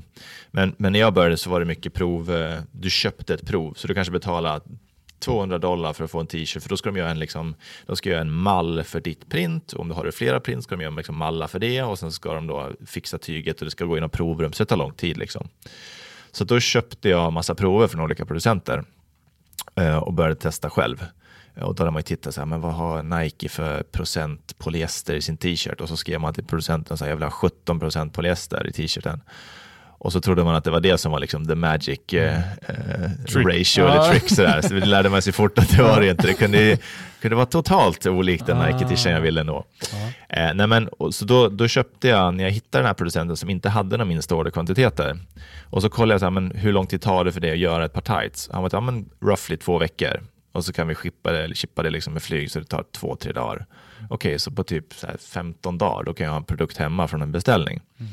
Ja, men, så jag köpte ett prov från dem, betalade ganska mycket för det. Eh, jag, min fru eh, drog på sig dem, jag fotade dem, eh, frilärde mig frilägga liksom, high tech ja. och, och la upp den på en sajt som jag betalade 35 000 för. Och de pengarna liksom hade jag jobbat ihop genom online utbildningarna så jag kunde finansiera en, en byrå och bygga en sajt egentligen. Okay. Vilken onlineutbildning? PT? Ja, PT, ah, PT-utbildning, okay. precis. Ja, Kost och hälsa. Just det, liksom, just så den, ja. det finansierade att jag kunde köpa prover och uh, bygga en så hemsida. Så det var ditt startkapital? Precis, precis. Ja, jag byggde upp det själv. Liksom. Okay. Uh, men sen då så, så, skrev jag egentligen på sajten, för så här, 2015 så var inte e-handeln i Sverige var inte jättelångt framgången. Så jag skrev i princip liksom, det här är en pre-order och så skrev jag det på Instagram. Köper idag så får du produkter om typ 3-4 veckor. Um, och det funkade ju, folk gick med på det. Liksom. Eh, för de hade följt resan lite och de första kunderna var liksom mina bloggläsare och sådär. Mm. Så de gick in och, och, gjorde ett köp, jag fick in pengar på kontot och de pengarna tog jag och tog de antal ordrarna jag hade fått och la hos producenten. Mm. Eh, han gjorde dem, vilket tog 10-12 dagar, liksom skickade dem eh, och sen när de kom så öppnade jag lådan, hade skrivit ut etiketter innan, packade om den fort som fanken i påsar som jag hade köpt med loggan på. Mm. Och så liksom på med frimärken och så sprang jag ner till posten och så liksom så. Okay. Så det var pre-order som jag, jag tror jag gjorde så säkert fyra, fem gånger innan jag fick så pass mycket pengar över att mm. jag kunde köpa in och ha ett lager. Okay. Annars var det liksom on demand uh, orders som gick Just iväg. Det. Så det var så jag fick igång uh, klädsnurran. Sen minns jag att eh, min styrelseordförande då, som var en vän till familjen, liksom propsade på att jag skulle låna 50 000 av henne och köpa in grejer inför julen då, 2014. Mm. Um, och det var en sån här grej som jag liksom väldigt tacksam över, för det gjorde ju att vi fick bra fart. Jag kunde ha liksom största laget jag hade haft någonsin, vilket var kanske så här, ja, men jag vet inte, säg att det var 100 tights i Mm. tre olika storlekar. Liksom. Mm. Och det gjorde ju att folk som köpte julklappar och var liksom på shoppinghumör handlade och så, så växte det. Så att jag lånade 50 000 i två omgångar av henne som jag sen betalade tillbaka. Liksom. Mm. Eh, Så att jag fick lite, lite ängelpengar där. Liksom. Ja, så att, det var jag glad för. Precis, precis. Men jag var väldigt så här, jag vill betala tillbaka fort. Det var liksom Ja. viktigt för mig med min Ja. uppväxt att man inte skulle ha lån. Ja, det. Så att det var så jag drog igång eh, kläderna. Eh, och Så att det var liksom varit en bra start på 2015. Okej. Eh, Ja. och det var ju, hamnade cirka 10 miljoner. Ja, precis. Ungefär. Tror jag ganska nära 10 prick. Ja. Och, och sen 2016 eh, dippade lite, hamnade på cirka eh, 9 miljoner. Nej, Nej, jag tror vi gick på eh, 18 va? Från 9 till 18. 2016. 2016. Och sen Okej. 2017 27. Och sen dippade 2018 på grund av 2021 varumärkestvisten. och sen 60 miljoner, cirka Ja, eh, 60 60. miljoner på senaste året. Då. 19 precis. Ja. Okej, så att, ja men det står det fel i så Ja, fall. så det var liksom, det var, det Det var gick en- tillväxt hela vägen fram till 18 egentligen. Ja, och precis. Och sen gick ner och sen, Ja, och Ja. Så, så vi hade ett hack i kurvan på grund Mm. av liksom varumärkestvisten egentligen. ja. Ja. Men eh, ja, det, siffrorna talar ju. Ja. Jag menar, 60 miljoner, eh, det är mycket pengar, men det är Mm. också eh, större del utgifter. eh, Ja, ja, det är klart det blir så. Det. Absolut. Så absolut. Men sen också vet jag att du inte tog ut lön Nej, de första, jag tror 20... 2017? Nej. Nej, jag tror det var de två första åren som jag liksom inte Som hade lön. Så det var Ja. 2018 som du tog ut din första lön? Nej, så bolaget är ju från 2012, så beroende på hur man Ja, räknar. okej, så var det typ okej. Ja. 2014 där liksom, när jag hade PT-delen, eller när jag hade onlineutbildningen, då tog Mm. jag ut lite. Jag tror jag tog ut så här, typ 5000 i månaden eller någonting. Okej. Ehm, Ja. så, ja, så att, Okej. eh, men det, right. de första två åren eh, från det att jag sa upp mig var liksom utan lön. Anledningen att jag berättar det här är för att man, man eh, den här är ju också en sån fråga, hur mycket tror du på eh, det du gör? Liksom? Hur mycket Mm. tror du om man vill skapa någonting, om man vill, eh, ja, eh, vill vara liksom innovativ och börja allt från grunden eller bara utveckla någon annan produkt som redan finns. Eh, Så det är svårt att tänka det här, men du ska inte ta ut lön. Eller du kommer få pengar, du kommer rulla in pengar, men du kommer behöva investera om man vill växa det. Eh, Det är också en mindset där. Ja. Inte ha något jobb, Mm. gå all in för det Ja. 100%. Ja. Inte ta ut pengar. Nej. Ja, nej, men, nej, men precis. Och det, och det är återigen så här, man måste ju, man måste ju vara lite, mm, jag ska inte säga dum, Ja. eh, men man måste ju våga. Och återigen, har man ingen familj, jag hade liksom Emily då, min, min fru, men Mm. inga andra åtaganden. Jag hade ju, det var hennes liksom, lägenhet vi bodde i, så jag hade ju inga lån heller. Så jag hade sponsring på kosttillskott så jag fick ju det gratis. Så det var, det var så här, så jag hade inte, och så här, jag tänkte alltid så här, ja men skiter det sig helt, Mm. men då kan jag, kan ta ett jobb på ICA liksom. Mm. Eller jag kan söka andra jobb på det här. Så, här. så Och det där kan man också liksom experimentera med beroende på vad det är man ska göra. Måste jag säga upp mig all in eller kan jag så länge det går bibehålla och sköta mitt jobb och göra det jag ska och sen på min övriga tid eh, liksom lägga timmarna på, eh, på det jag vill inom situationstecken göra.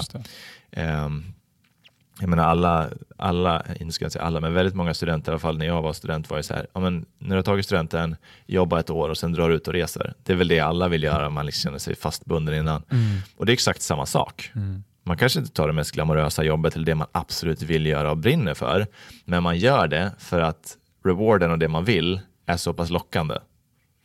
Så det man har ju, många har ju gjort det redan, Mm. bara att de kanske har glömt bort det sen när man börjar jobba på riktigt. Då, då, liksom, då, då kan man inte göra samma sak, eller, för då har man investerat så mycket, kanske i en utbildning eller vad det nu må vara. Men jag menar, jag läste ekonomi, ekonomi finns i allting, hela tiden, vardagsekonomi, privatekonomi, eh, företagsekonomi, men jag säger inte att jag är ekonom eller bra på ekonomi på så vis, utan liksom, jag jobbar ju med produktutveckling och varumärke. Så att man kan ju skola om sig även fast man har Ja. läst någonting eller liksom. Eller jobbar med något ja, annat. men precis, liksom. precis, precis. All right. Mm. Precis. Ja, men, det, och, och, men jag tror också det handlar om att eh, du, har ju, du har ju fått, när du läste ekonomi så har du ju också förstått hur det funkar. Du måste inte Någorlunda, vara jag bra kan på... inte säga att jag var särskilt bra i början på liksom Det är plus minus. bolag- Investera. Jag var så här, vad fan moms, vad är det för någonting liksom? Ska jag betala något nu? För att jag inte, ja. Igen! ja, nej, det är mycket i början som är Ja. nytt, så är det ju bara.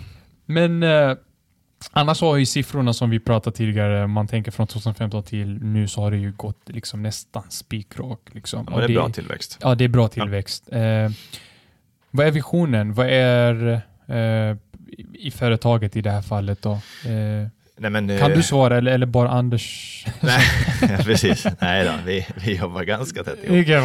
Okej. Nej, men vi har väl en ganska tydlig vision att vi vill, vi vill driva på folk att så här, dels så vill vi att folk håller sig aktiva såklart, men Mm. sen vill vi ju sprida, liksom, vi vill ju skapa en värld där folk, där folk når sina mål på, på sina resor. Och det kan ju vara alltifrån så här, "Nej, jag vill byta jobb, jag, vill, liksom, jag behöver sätta mig i skolbänken igen.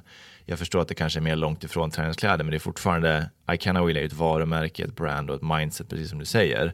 Så det vill vi ju ska smitta av sig på så mycket det går. Liksom.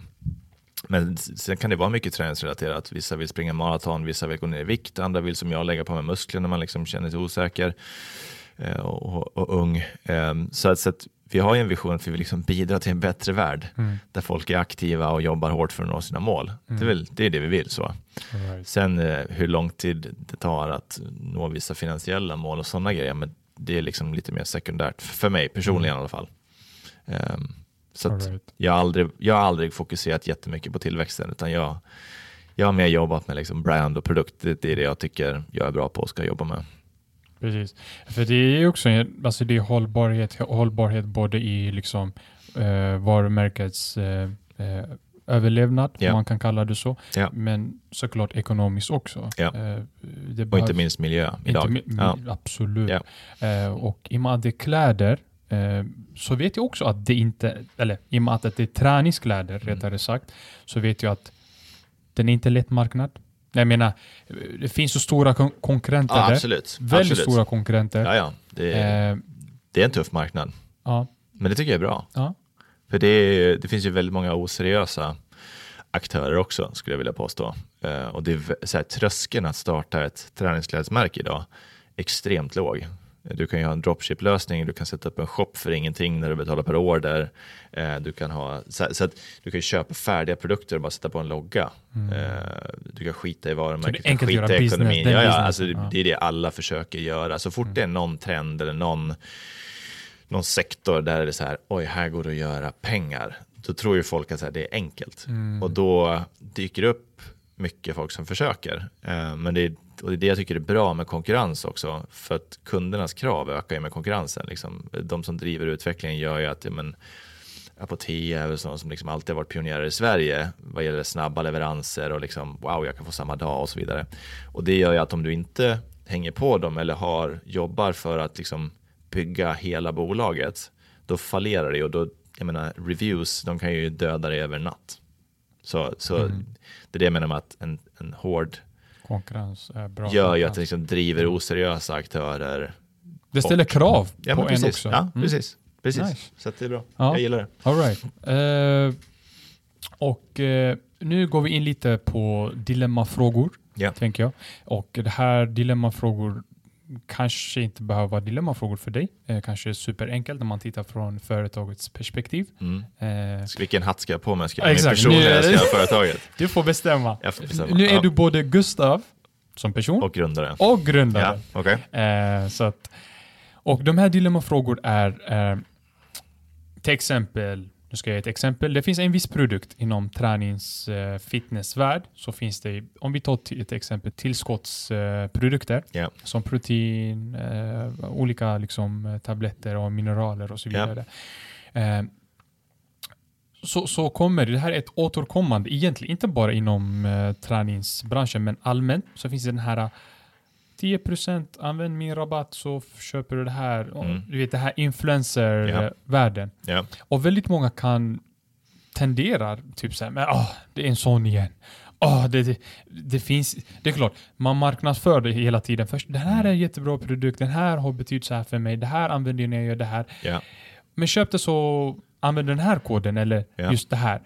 Man vill ju bli större, man vill ju nå ut till större publik eller fånga andras uppmärksamhet. Mm. Kan den få en motsatt effekt, det vill säga att folk eh, struntar i det helt och hållet och missar de bra saker eller de bra produkter som Menar du, är, det, är frågan generellt kring liksom kodanvändandet eller influencer marketing? Både och. Både och. Ja. Eh, nej men jag, det är klart det kan bli så. Så kan det bli med allt, oavsett Mm. vilken typ av eh, reklam och erbjudande det är. Jag Mm. menar, det går ju tv-reklamer med stora procentsatser och liksom röda texter hela tiden.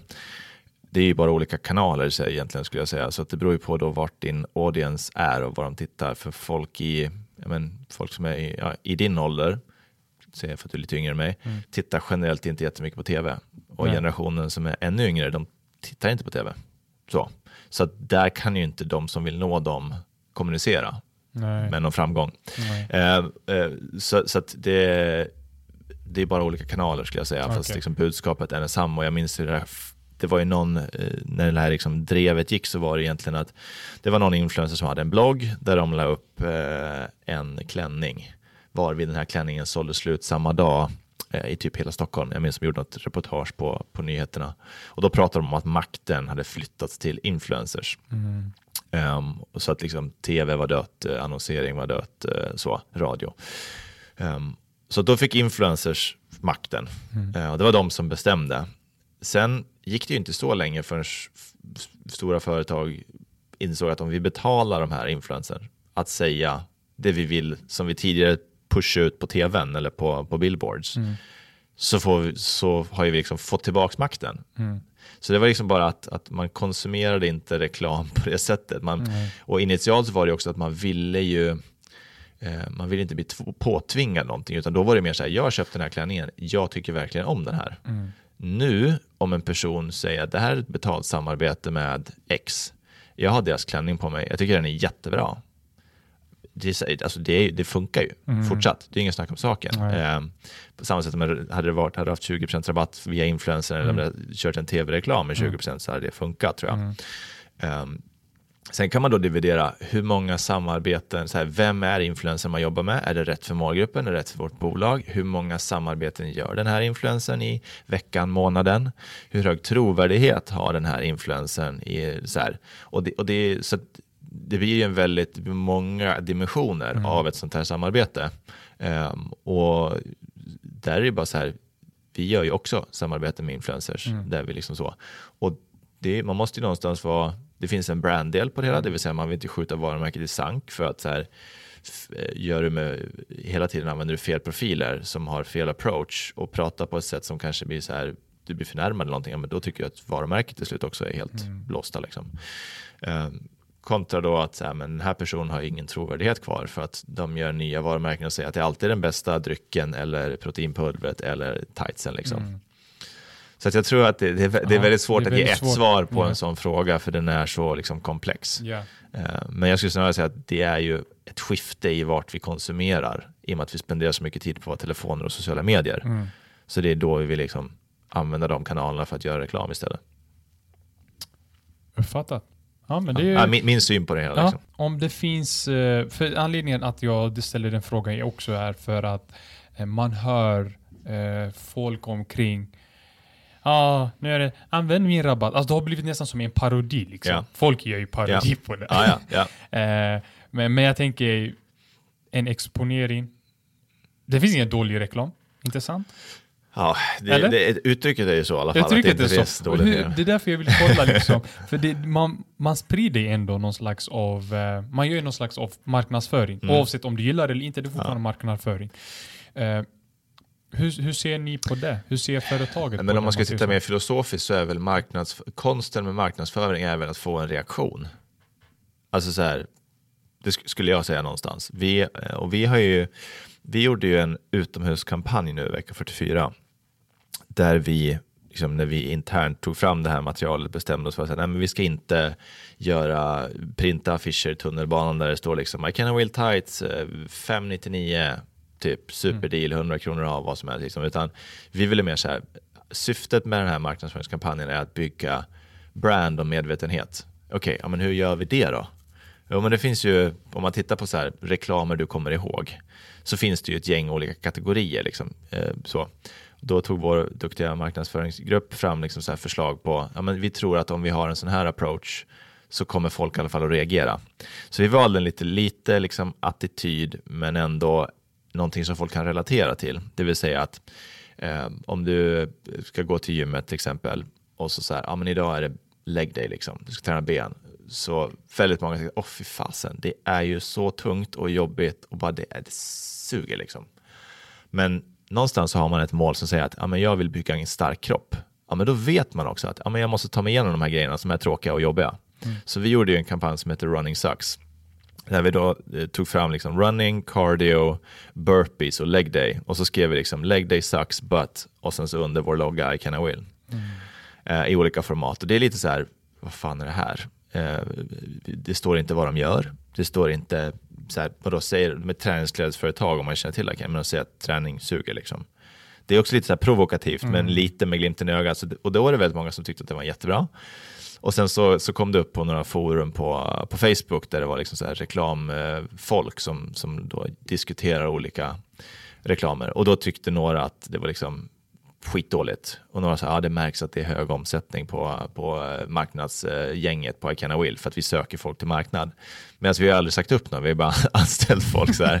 Eh, men, och då satt vi och diskuterade och det var mycket diskussioner att det var dåligt och någon tyckte att det var bra och någon bara, men de kanske bara vill att vi ska prata och så här. Och det var ju precis det vi ville, vi ville att folk pratar om det. Mm. För då någonstans finns man, liksom, då, har man, då har man tagit sig in där, om man går förbi en reklam och så bara tittar man på den så släpper man den, då är ju reklamen ganska värdelös. Mm.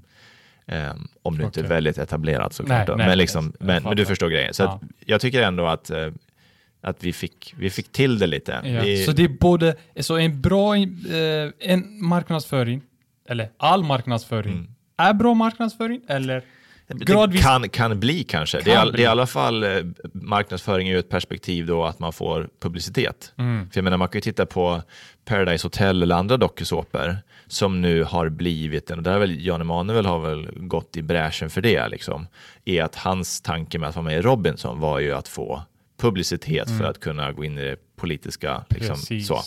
Och bara att istället för att det är Robinson och det, det, är flera år sedan så nu är det Big Brother eller jag vet inte alls vad de heter, Ex ja, on the Beach. On liksom. the beach och, och då folk är med på dem och så får de 150 000 följare på sociala medier och så helt plötsligt får de liksom erbjudanden om annonser, annonser eller att göra egna kollektioner mm. med bolag. Liksom. Så att, och det är också en marknadsföringskanal. Precis. Så att eh, sen kan man säga vad man vill om ja. det sättet och hur man gör det. Mm. Eh, men det finns ju väldigt många personer som mm. idag är erkänt etablerade på olika marknader liksom, som har gått den vägen. Just det. Um, så att, uh, ja. Okej. Okay.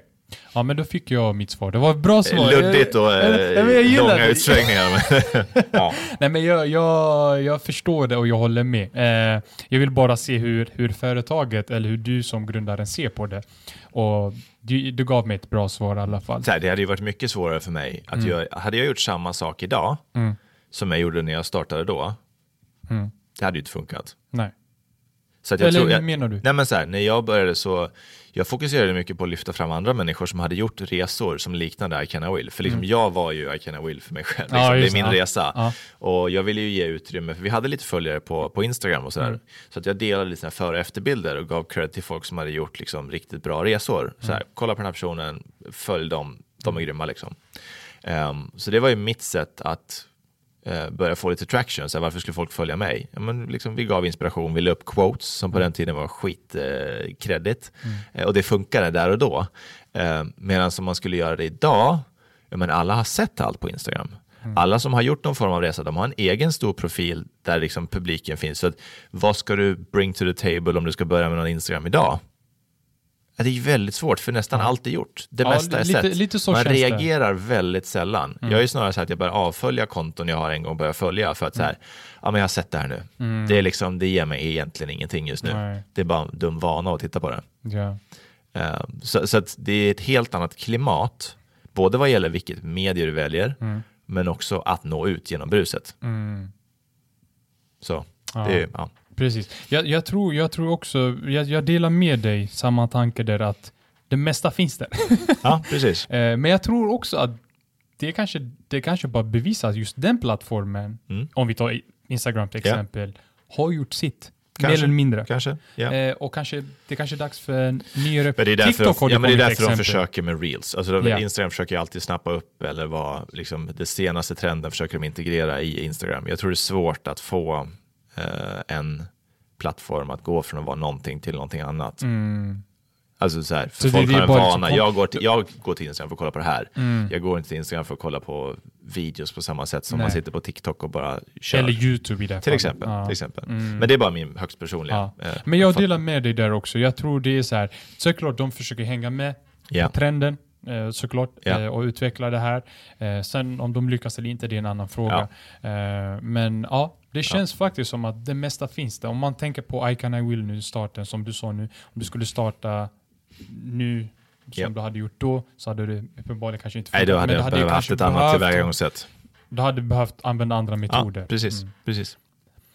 All right. Ja, nu börjar vi närma oss mot slutet. Ja. Men jag tänker, eh, du kan få betänketid. Ja. Ingen fara. Jag ska inte stressa Du pausar. dig. Eh, Du pausar lite. eh, om du vill dela med dig någonting, om du vill förmedla något budskap, om du vill dela med dig erfarenhet, historia, tips, tricks. Eh, Jag kan hjälpa dig med att kasta in lite frågor för att besvara dem, men du kan få lite betänketid. Medan du tänker på så kan jag prata eh, om att eh, om vi säger för en ung 15-årig Gustav, Mm. 24-årig Gustav, Ja. 38, 39-årig Gustav. Inte 40. inte 40. inte nej, 40, nej, nej. 39. Så, Ja. Jag gillar inte det. Ja.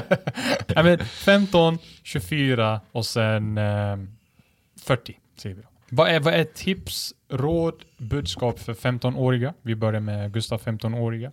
Ja, alltså det är så mycket, jag ja, liksom men sen när man är i 15, dagens- nu försöker jag relatera till vad när jag var 15. Mm.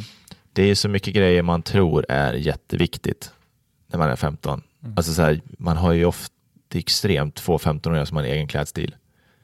Till exempel. För är att man vill ju bara vara, man vill vara populär bland, bland killkompisar och tjejkompisar. Men samtidigt, så här, om jag skulle säga, ah, skit i det där. Eh, det är ingen som skulle lyssna på mig. Förstår du vad jag menar? Är inte- Nej men så här, det är spelar ingen roll vad man Thomas har ju säger. Ja, men så här, när min son är 15, han kommer ju inte bry sig ett skvatt om det jag säger. För jag, det, det- jag menar, så är det ju. Man lär sig ju äldre man blir och så inser man vad som är viktigt och inte viktigt. Och så försöker man förmedla det till en yngre generation som tycker att man bara är jobbig, dryg och inte fattar. Ja. Men så är det ju också när, när föräldrarna säger någonting.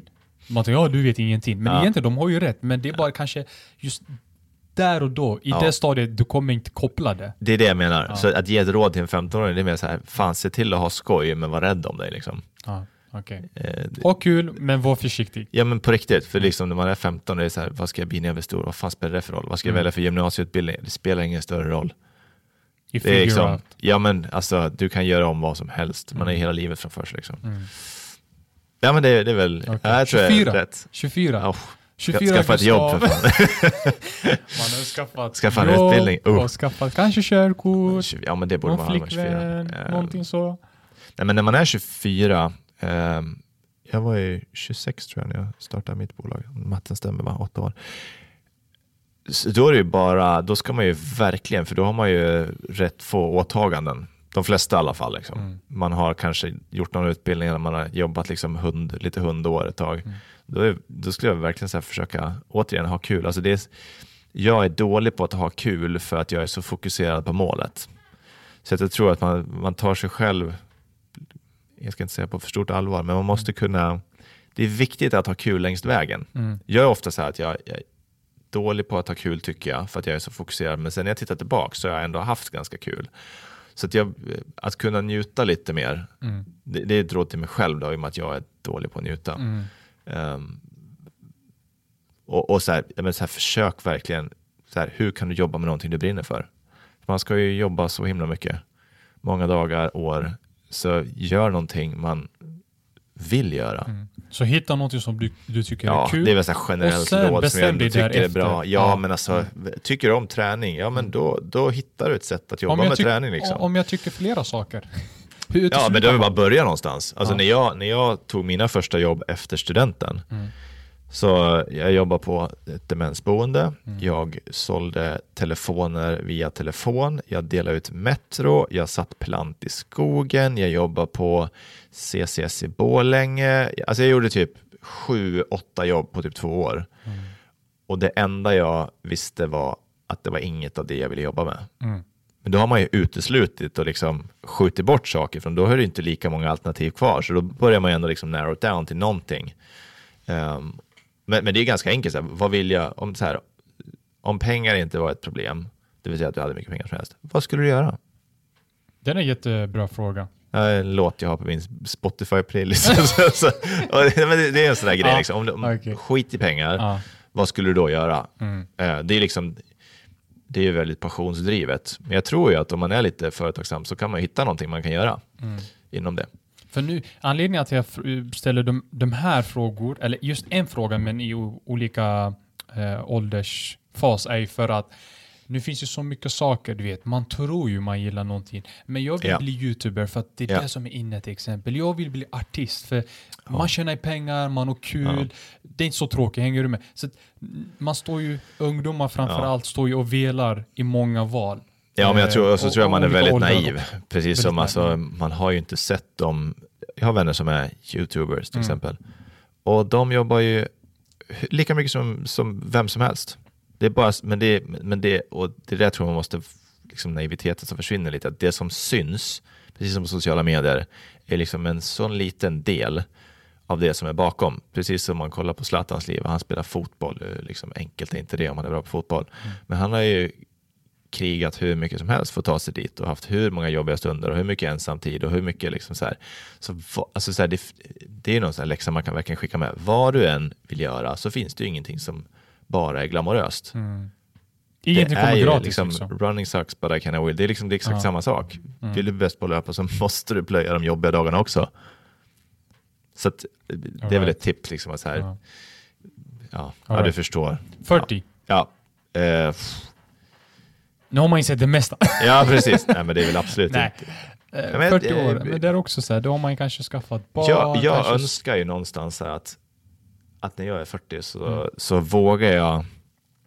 Det är svårt när man har barn, Mm. eller svårare ska jag säga, för att det krävs mycket mer med skolgång och, och liksom utbildning och sånt, för det kan man inte göra hur som helst med. Men jag hoppas ju också att när jag är 40 så, skulle, så kommer jag våga säga, nej, nu har jag gjort det här, nu vill jag prova något nytt. Nu vill jag bli polis eller nu vill jag Mm. eh, pff, bli vad som helst. Liksom. Bara att, för jag tycker det är så, det finns så mycket som jag tycker är kul. Eh, allt ifrån paddel till bilar till eh, you name it. Det är så här, jag, jag, jag skulle vilja liksom bara så här, "Nej, nu är jag 40, nu ska jag göra något annat. Nu har jag gjort det här fram tills nu. Nu vill jag prova något nytt. Mm. Eh, att man har modet och liksom möjligheten då att så här, eller nu har vi bott i Sverige, nu vill jag prova att bo i det här landet. Mm. Nu vill jag prova att leva utan de här möjligheterna. Liksom begräns- jag vet inte, vad som Mm. helst. Bara att man, att man fortsätter våga göra lite nya grejer. För det känns som att 40 är en sån här punkt där många tycker att oh shit, nu går det ut för. Mm. Nu är det bäst Ge att inte hålla upp i på sig. de Ja, men liksom drömmarna så här, som- bara, ja. ja, men så här, bara våga, våga fortsätta leva livet. Mm. Det, det, är, det är det svåraste tror jag. Ehm, jag har ganska lätt för mig att göra saker Ja. som jag tycker är Ja. kul, så, och saker som jag tror, eh, inte bara kul för stunden, men saker som ger mig någonting. Mm. Eh, den här som- podcasten är väl ett du? exempel på det. Ja, men podcasten Ja. till exempel. Eh, och det mina lyssnare Ja. eh, säger ju att ah, men, kan inte du bara prata om dig Ja. själv? Ja. Eh, Du får köra en pratar- podcast med dig själv. Ja, du får ja, en dag sitta bara- och spela in frågorna och sen nästa dag får du in Ja, men-.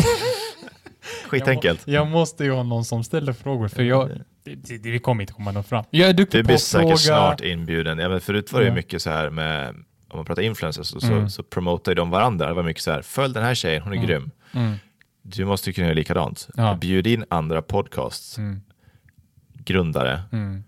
Och sen få, i utbyte mot att du får prata i deras. Så korskör ni ju publik och så får ni sitta i heta stolen själv. Ja, Det är en så enkel ja sak. men det är, nice. det är faktiskt Ja. Det, det ska jag Hjälp tänka varandra. på. Jag tänkte ju bara sitta och bara rabbla upp allting här. Ställa de frågorna jag var tre år gjorde jag det här, sen jag var fem. Exakt. Svara på de frågorna som jag ställer till mig själv, Ja. som jag väljer. Ja. Det känns kul när någon bara slänger någonting.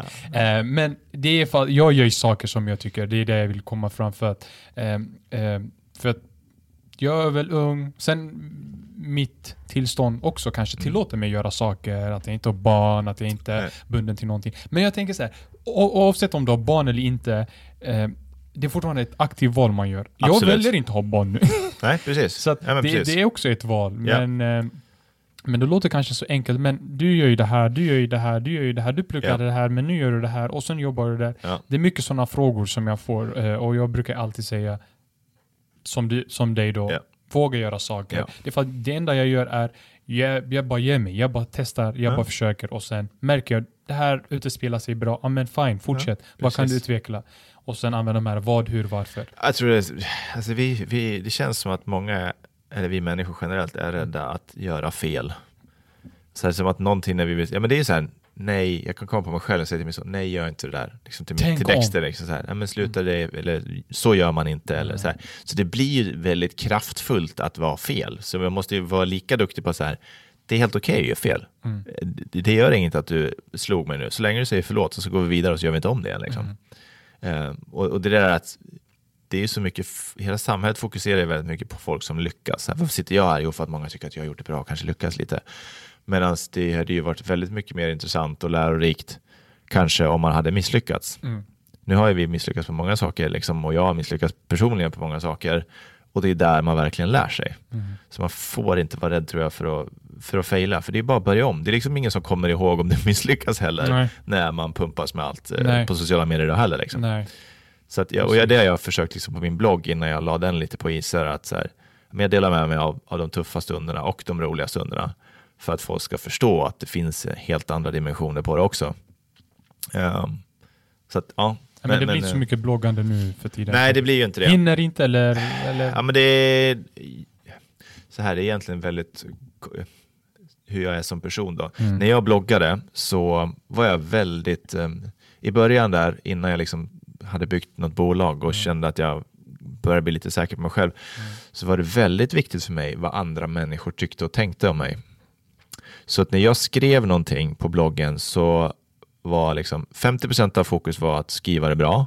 Sen la jag typ lika mycket tid på att så här, okej, finns det någonting här nu som folk kan misstolka och tycka att jag säger konstiga saker eller har fel åsikt eller någonting liksom. Och, så det där la jag väldigt mycket tid på. Och liksom 100 inlägg, inget, inget liksom negativt whatsoever. Och sen så var det något inlägg, eller liksom ett på 100 då, så var det någon som bara, ja men fan, eh, du är dum i huvudet, eller hur fan kan du tycka sådär, eller du har missat det här. Och då liksom gick jag och ältade det där hur länge som helst. Så att när jag startade Can I Will så fanns det en liknande kille som, som bloggade också och hade liksom sociala medier. Och han hade börjat trycka t-shirtar och lite kepsar och det var mina första produkter också. Och då var det väldigt många, eller inte, det var några stycken som bara så här, fan vad du kopierar den här personen. Medan liksom, jag kopierar ingenting, jag liksom sökte liksom för att komma igång. Ehm, och, och då, det där satt sig ganska hårt hos mig, så att jag har varit så här, och, och någon gång skrev någon så här, ja men eh, när det började gå bra, så här, men det är klart det går bra för du har ju byggt upp ditt varumärke via bloggen. Du vet så här, och jag bara, oh. Nej, och då, så då, då fattade jag ett beslut som så här, när man tittar i backspegeln kanske var ganska dumt då. men då bestämde jag mig för att nej, Will ska kunna stå utan mig. Det ska inte vara kopplat till Gustav. Jag ska bevisa för de här personerna att det går att bygga någonting utan att man har någon form av plattform.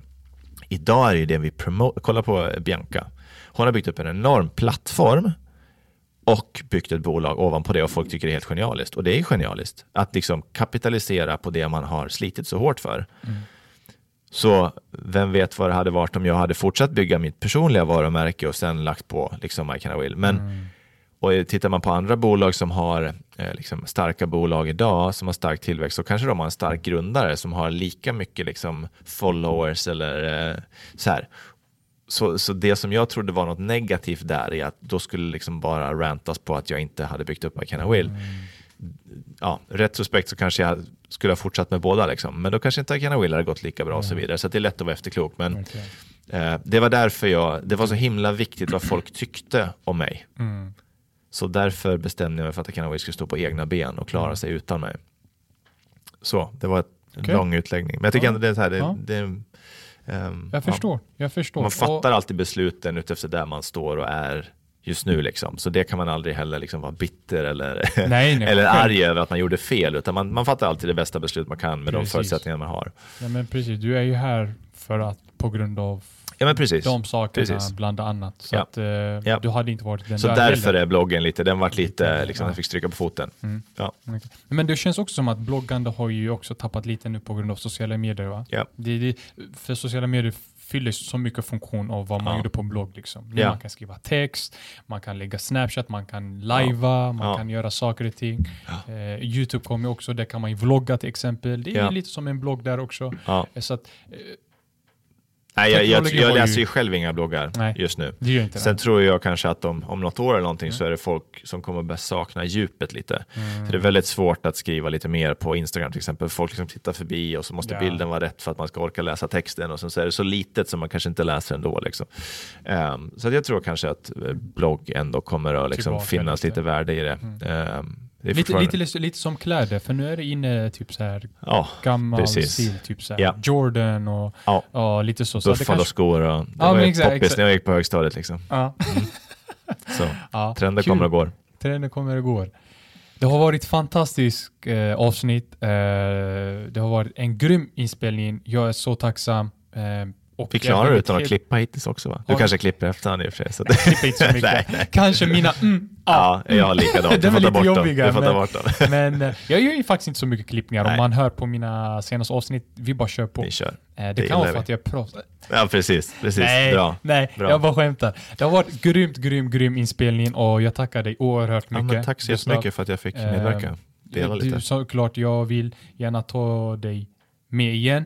Ja. Kanske i min podcast eller om det kanske blir vodcast, man vet aldrig. Ja, det. Tanken är att utveckla det här och, och ha liksom vodcast som man kan släppa ut direkt. Just Eh, det. Just nu jobbar jag med de sakerna, de verktygen jag har. Eh, och eh, otroligt, otroligt glad är jag i alla fall. Tacksam att du Tack så jättemycket för att jag fick komma. Ja, Ja. Så att, om du har någonting att säga, man kan följa dig på Insta, Ja, det kan man göra. Gustav Ollas, Gustav med F, om man vill. LinkedIn. Ja, LinkedIn kan eh, man följa, ja. absolut. Vad är det mer? Finns det? Nej. Maila kan man också göra i och för sig. Ja, det kan man göra. Men det är bara att trycka på Instagram. Det är bara att trycka Instagram. Ja. Ja, jag Okej. svarar på de flesta sätt. Perfekt, Ja. perfekt. Grymt. Ja, men då slutar vi tycker jag. Ja. Tack så jättemycket. Tack själv. Vi ses. Ha det bra. Hej. Hej.